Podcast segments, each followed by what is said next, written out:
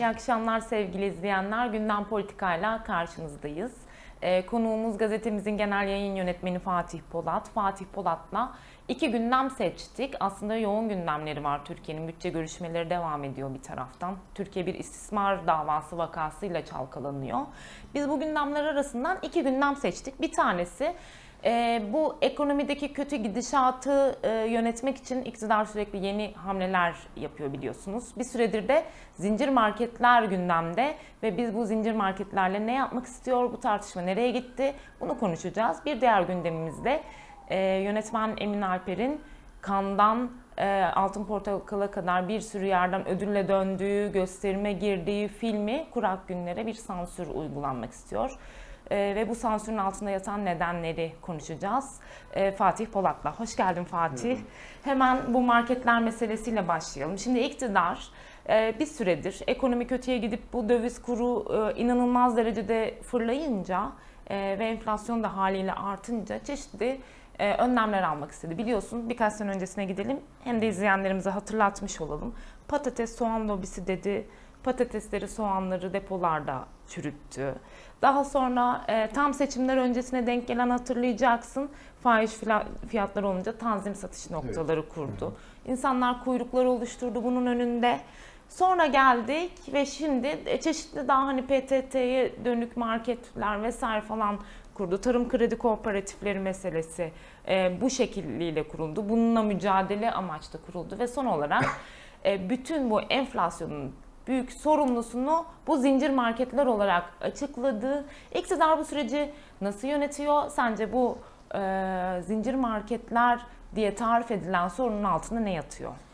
Ya öncelikle tabii e, bütün aslında alanın uzmanları iktidarın tarım politikası üzerinden bir tartışma yapıyor. E, Neden? Çünkü e, aslında hikaye, bütün hikaye oradan başlıyor. Tarım girdileri sürekli katlanıyor. E, Türkiye işte gübrede, mazotta dışa bağımlı. Üretici bunları kullanmadan bir üretim yapamıyor ve bunlar iki katına çıkıyor.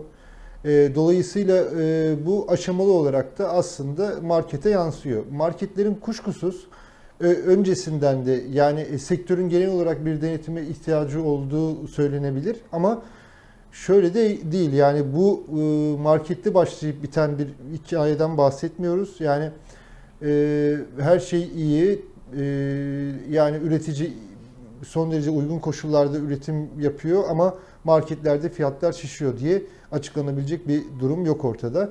Ama daha önceki kalemlerden tartışmak doğrudan iktidara bağlanıyor. Yani ee, iktidar e, gübrede dışa bağımlılık aynı bizim sektör açısından kağıt sektörü tartışabiliriz, bir- tartışabiliriz bunu.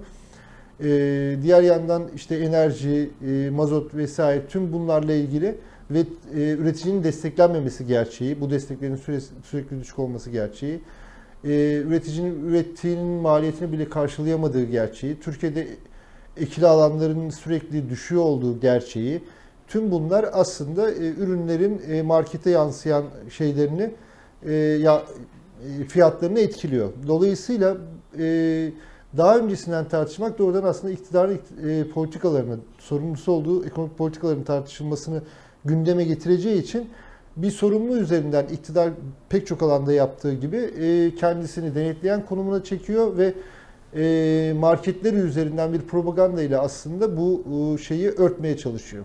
Yani şöyle özetleyebilir miyiz? Aslında iktidarın belki e, 20 yıllık politikası sonucunda tarımın geldiği nokta yani tarım politikalarıyla Elbette. başladı. Doğru orantılı gitti. Belki bugün e, bu yönetim meselesinin faturasını zincir marketlere kesmek Evet. istiyor. Peki bu bir çözüm mü? E, ve hani gerçekten zincir marketler bu sorunun neresinde? Çünkü şöyle değil mi? Bir taraftan da gerçekten de piyasayı belirleyen, e, mahalledeki esnafın dahi kapatılmasına neden olan bir zincir market sorunu Evet, da şimdi yok mu? O tabii ki elbette ama bu işte zincir market zincirin son halkasında duruyor.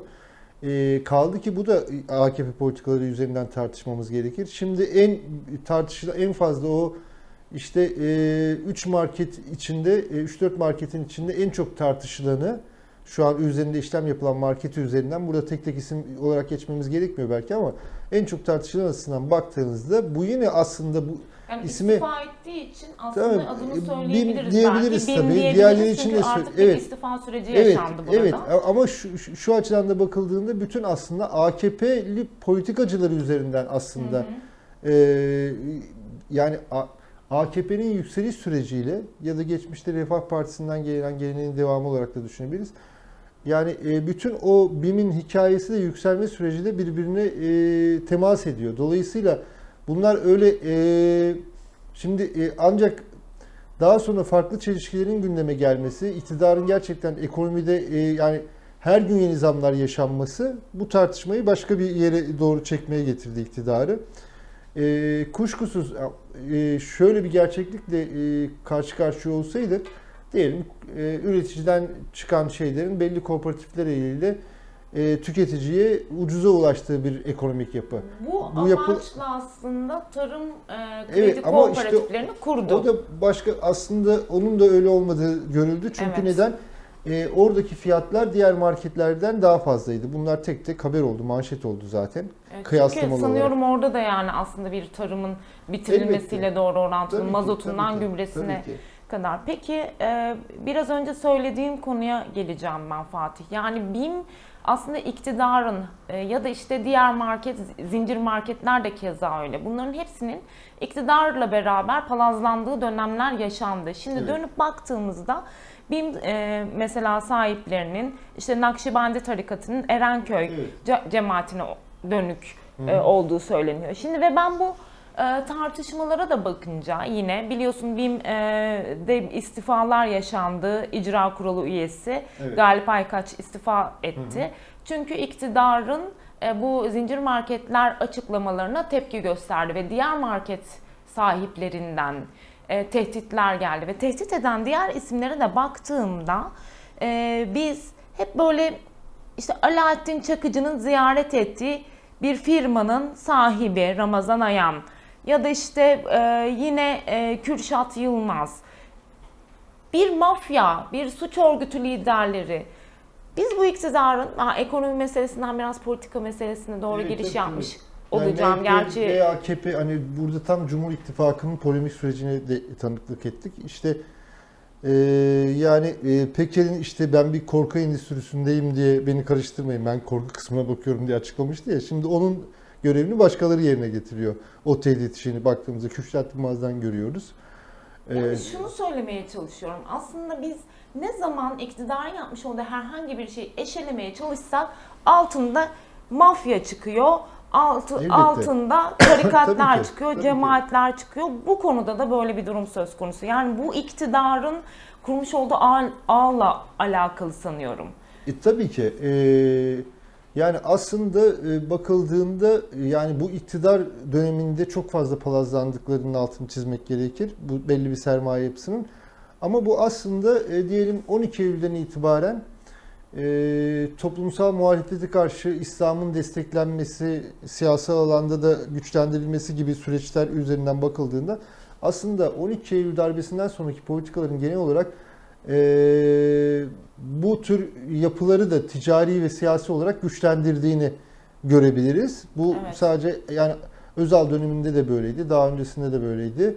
Şimdi e, dolayısıyla bunlar bu sürecin tarafı ama o kadar sıkışmış durumda ki iktidar.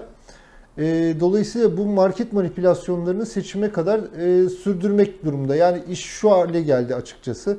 Diyelim siyasal alandaki kısmı e, yani HDP'yi terörize edip kriminalize ederek ve e, muhalefetin HDP ile ittifak yapmasını çünkü öyle bir ittifak süreci resmi ya da gayri resmi AKP'nin tek başına kazanmasını imkansız hale getiriyor. Yani Cumhur İttifakı ile de kazanmasını devam etmesini çok güçleştiriyor. Dolayısıyla siyasal alanı buradan baskılıyor. Ticari olarak da aslında birkaç ayaktan bir tanesi de marketler üzerinden spekülasyon yapmak. Dolayısıyla e, ama bunun yol açtığı, senin de dikkat çektiğin şöyle bir nokta oluyor. E, yani marketlerin e, siyasal iktidarın bu basıncı karşısında diyelim e, marketlerin savunulması. Diğer taraftan elbette oralarda bir problem var ama problem e, iktidarın söylediği gibi marketlerle başlayıp biten bir problem değil. E, ama bunu göreceğiz. Yani seçim Aslında bu- süreci boyunca da bunu göreceğiz ve burada da işte ne oluyor? 28 Şubat'ın da daha mağduru hedef haline getirilmiş diyelim Ülker grubu burada kendini ayırıyor, şok ayırıyor vesaire.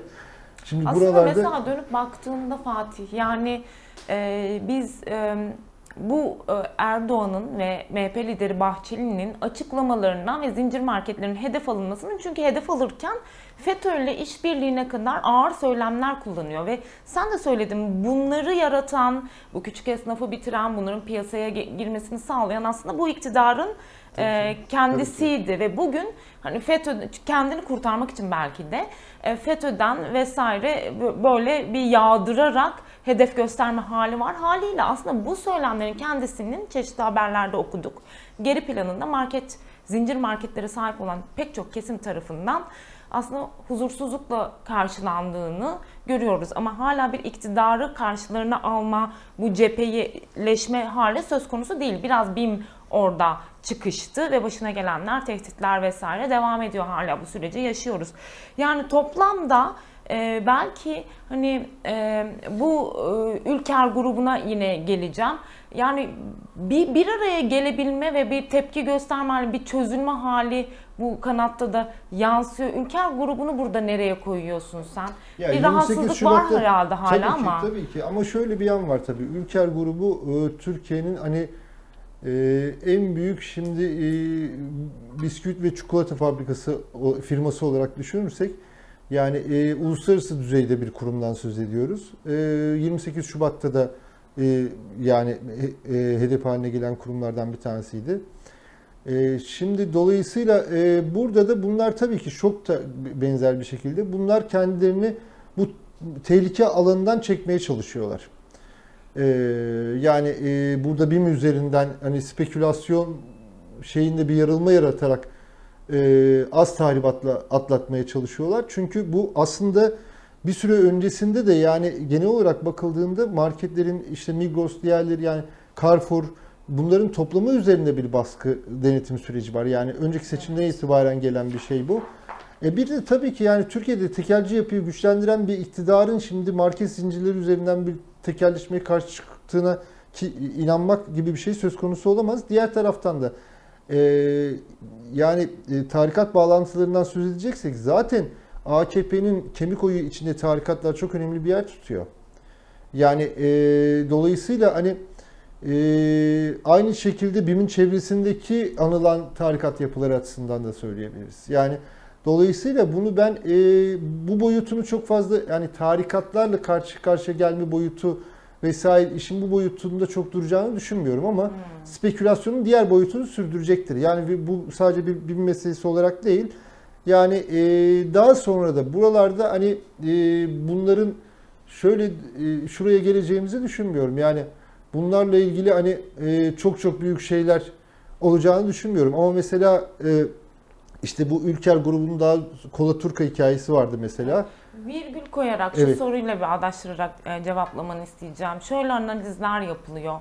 E, Fethullah Gülen'le birlikte yakınlıkları varken bir dershaneler meselesi üzerinden zaten süre gelen gerilim dershaneler meselesiyle ba- e, devam eden bir krize dönüşmüştü hatırlıyorsan. Evet, Bazı analiz, an- analizlerde bu sürecin o döneme benzediğini okudum. Bu sanıyorum söylemek istediğin tam o kadar değil gibi mi? Yani bunların hepsi bir Ya şey gibi mi? yoksa Ya ülke şöyle bir yan var. Tabii şimdi bazı şeyler daha belki sonradan tartışılıyor. Bu mesela işte e, Ülker grubunun da artık zikrettiği mesela Kola Turka mevzusunda e, ABD Büyükelçiliği'nin Kola'ya karşı bunun pazarı tehdit eder hale gelmesi e, sonrası ama işte dönemin bakanının ismi anılırken ya yok o doğrudan işte baş dönemin başbakanı Erdoğan'ın talimatıyla oldu falan çağrılma hikayesi diye. Şimdi bir, bir yandan da böyle yani özel bir takım şeylerin yapıldığını görüyoruz. Bugünkü hikaye açıkçası ben e, o, o, yön- o düzeyde görmüyorum. Evet. 28 Şubat düzeyindeki gibi olmayacaktır ama meselenin spekülasyonu gerçekliğinden fazla olacaktır. Yani seçim sürecine kadar e, burada yani önemli olan şu e, bunlara bazı cezalar da kesilecekti tabii. Ko- Kol Turka başka şeylerde de çokça kesilmişti. Şimdi e, müfettişler gidecek seçime doğru bunu çok göreceğiz. Marketlere gidecek. Marketlerden görüntüler olacak falan. Ne olacak? İşte e, hükümet e, vatandaşın pahalı ürün almasını engellemek için e, denetleme yapıyor olacak. Bunu zaten yani iktidara oy veren oy vermeyen kesim buna inanmıyor. Ama kendi yani kendi tabanını mobilize etmek, oradaki aşınmayı engellemek üzerine bu, proga- bu, bu propaganda sürecek ama işin nesnel olarak alt zemininde çok büyük bir kırılma olmayacağını düşünüyorum açıkçası. Evet yani biz hani e, ekonomiyle politikayı tabii ki birbirinden ayırmayalım ama e, herhalde politik olarak Evet. okuması bu şekliyle değerlendirilebilir ama sanıyorum ekonomik olarak da bugün enflasyonun düzelmesi, bugün insanların rahat ve huzura kavuşması herhalde bir zincir marketler sorununun çözülmesiyle de gerçekleşmeyecek Kesinlikle gibi değil, de ki. duruyor. İkinci konuya geçelim Evet. Fatih seninle. Bugün e, ya aslında dünya tarihinde belki de Evet. yaşanmamış, dünyada belki de örneği görülmemiş bir olay yaşandı. Kurak Günler filmi e, epey e, konuşulan bir filmdi. E, henüz e, daha tam olarak gösterime girmedi. Bir takım e, lokal gösterimleri var bu arada. Hatta e, çağrıları da yapılıyor. Yeniden hani bu filme bilet alıp e, gidin diye sosyal medyada. Şöyle bir gelişme yaşandı. Kültür Bakanlığı 2018 yılında bu filme destek verdi ve bugün bu film birçok yerde gösterime girip e, ödül törenlerinde ödül aldı, e, festivallerde ödül aldı, e, özel gösterimleri yapıldı ve nihayetinde e, Kültür Bakanlığı'ndan bir açıklama geldi. İzleyicilerimiz, bilmeyen izleyicilerimize de böylelikle aktarmış olalım. Dedi ki senaryo değişmiş. Biz bu filmedeki yatırımımızı geri çekiyoruz. Ee, bizden aldığınız paranın da faiziyle birlikte geri ödemesini istiyoruz dedi. Bu çok rastlanan bir durum değil. Ama şimdi mesela Emine Alper'in e, geçmişine, e, söylemlerine de bakacak olursak e, iktidarı eleştirdi. Film biraz bu LGBT haklarına değinen bir film olduğunu biliyoruz. Hani nasıl okuyorsun bu durumu? Nasıl gözlemledin? Neler söyleyeceksin? Yani bu tamamen sanata yönelik bir biat daya- dayatması aslında. Ee, şimdi dediğin gibi yani eşi benzerine rastlanmayacak bir örnekten bahsediyor. Çünkü zaten bin türlü denetim yapılıyor şeylerin, desteklerin olması için. Ee, ama burada örneğin e, işte LGBT'lere dair yönü, onun dışında diyelim orada yapılan konuşmalar vesaire tüm bunlar diyelim hani e, iktidar rahatsız etmemiş olsaydı e, böyle bir gerçeklikle karşılaşmazdık. Yani e, dolayısıyla burada bir e, bu bunun üzerinden aslında korku daha da büyütülüyor. Yani bir bunun kendisi zaten çok saçma bir şey ama e, bunun dışında örneğin artık e, doğrudan iktidarın hoşuna gidecek içerikte film yapı yani e, zaten hani o makasın içinde durmayan ama e, bir şekilde ya bir destek alabil yani çok ağır politik vurguları olmadığına güvenerek diyelim bir filmle ilgili senaryosuyla ilgili destek başvurusu olacaksa bunlar da geri çekilecek. Yani dolayısıyla onun o mekanizmanın da aslında tamamen diyelim iktidar destekçilerine yani iktidarın film endüstrisi gibi bir şey yaratılmakta Evet. isteniyor burada. Aslında bunu tüm sanat alanı için Tabii belki ki. de söyleyebiliriz. Sadece film meselesi Tabii. değil. İktidar kendine bir sanat. Ondan sonra da endüstrisi işte biz istiyor, kültürel festivaller. kuramıyoruz diyen bir iktidar var. Evet Yani- yani, festivalleri yasaklıyor, konserleri iyi iptal film oluyor. yapıp e, pek çok düzeyde diyelim takdir edilen ödül alan filmler karşısında diyelim ya biz bunları destekledik diye e, övünme noktasında durmak değil e, onlardan duyduğu belli rahatsızlıklarla şimdi onu bir zulme dönüştüren Sanki geri mesela e, Tabii Cannes ki. gibi bir yere gitmiş film tabii, değil mi? Tabii tabii. Yani ama onun arkasında Kesinlikle. durmak yerine filmi Tabii ki. yasaklamayı aslında Elbette. dünyanın gündemine belki böyle geliyor. E tabii Erdoğan ki, tabii ki. Ondan sonra diyorlar ki Türkiye'de sansür yok. E bu kadar gazeteci içeride ya bunların hepsi terörle ilgili içeride filan gibi. E, dolayısıyla bu da böyle bir e, saçma halka olarak e, aslında girdi. E, ama buna tabii geniş bir tepki olması gerekiyor. Böyle şeylerin hani diyelim sinema eleştirmenleri ya da sadece diyelim o film etrafında, filmin yönetimi yap- yapımcıları etrafında da kalmaması gerekiyor gerçekten. Yani e, böyle kaldığı sürece de devam ediyor aslında bu pratikler. Evet gerçekten de yani birini LGBT diyor, zincir marketleri FETÖ'cülükle suçluyor. Kesinlikle. Dönüyor diğer tarafta gazeteciler cezaevinde deyince terörle suçluyor. Yani çok ilginç bir kokteyl e, bir şey Evet, yaratma haline gidiyoruz Evet, herkese dönük. Yani gerçekten Evet, evet. çok kurak günler ama herhalde e, geçecektir bu günler belki de diyelim. Ben e, teşekkür ediyorum teşekkür e, ederim. Yayınımıza katıldığın için güzel bir sohbetti. Sevgili izleyenler konular ağır, gündemler ağır ve biz bu iki gündemi seçtik. Bu ağır gündemler arasında zincir marketler ve kurak günlere uygulanmak istenen sansürü konuştuk Fatih Polat'la. Yeniden karşınızda olacağız önümüzdeki hafta. Hoşçakalın.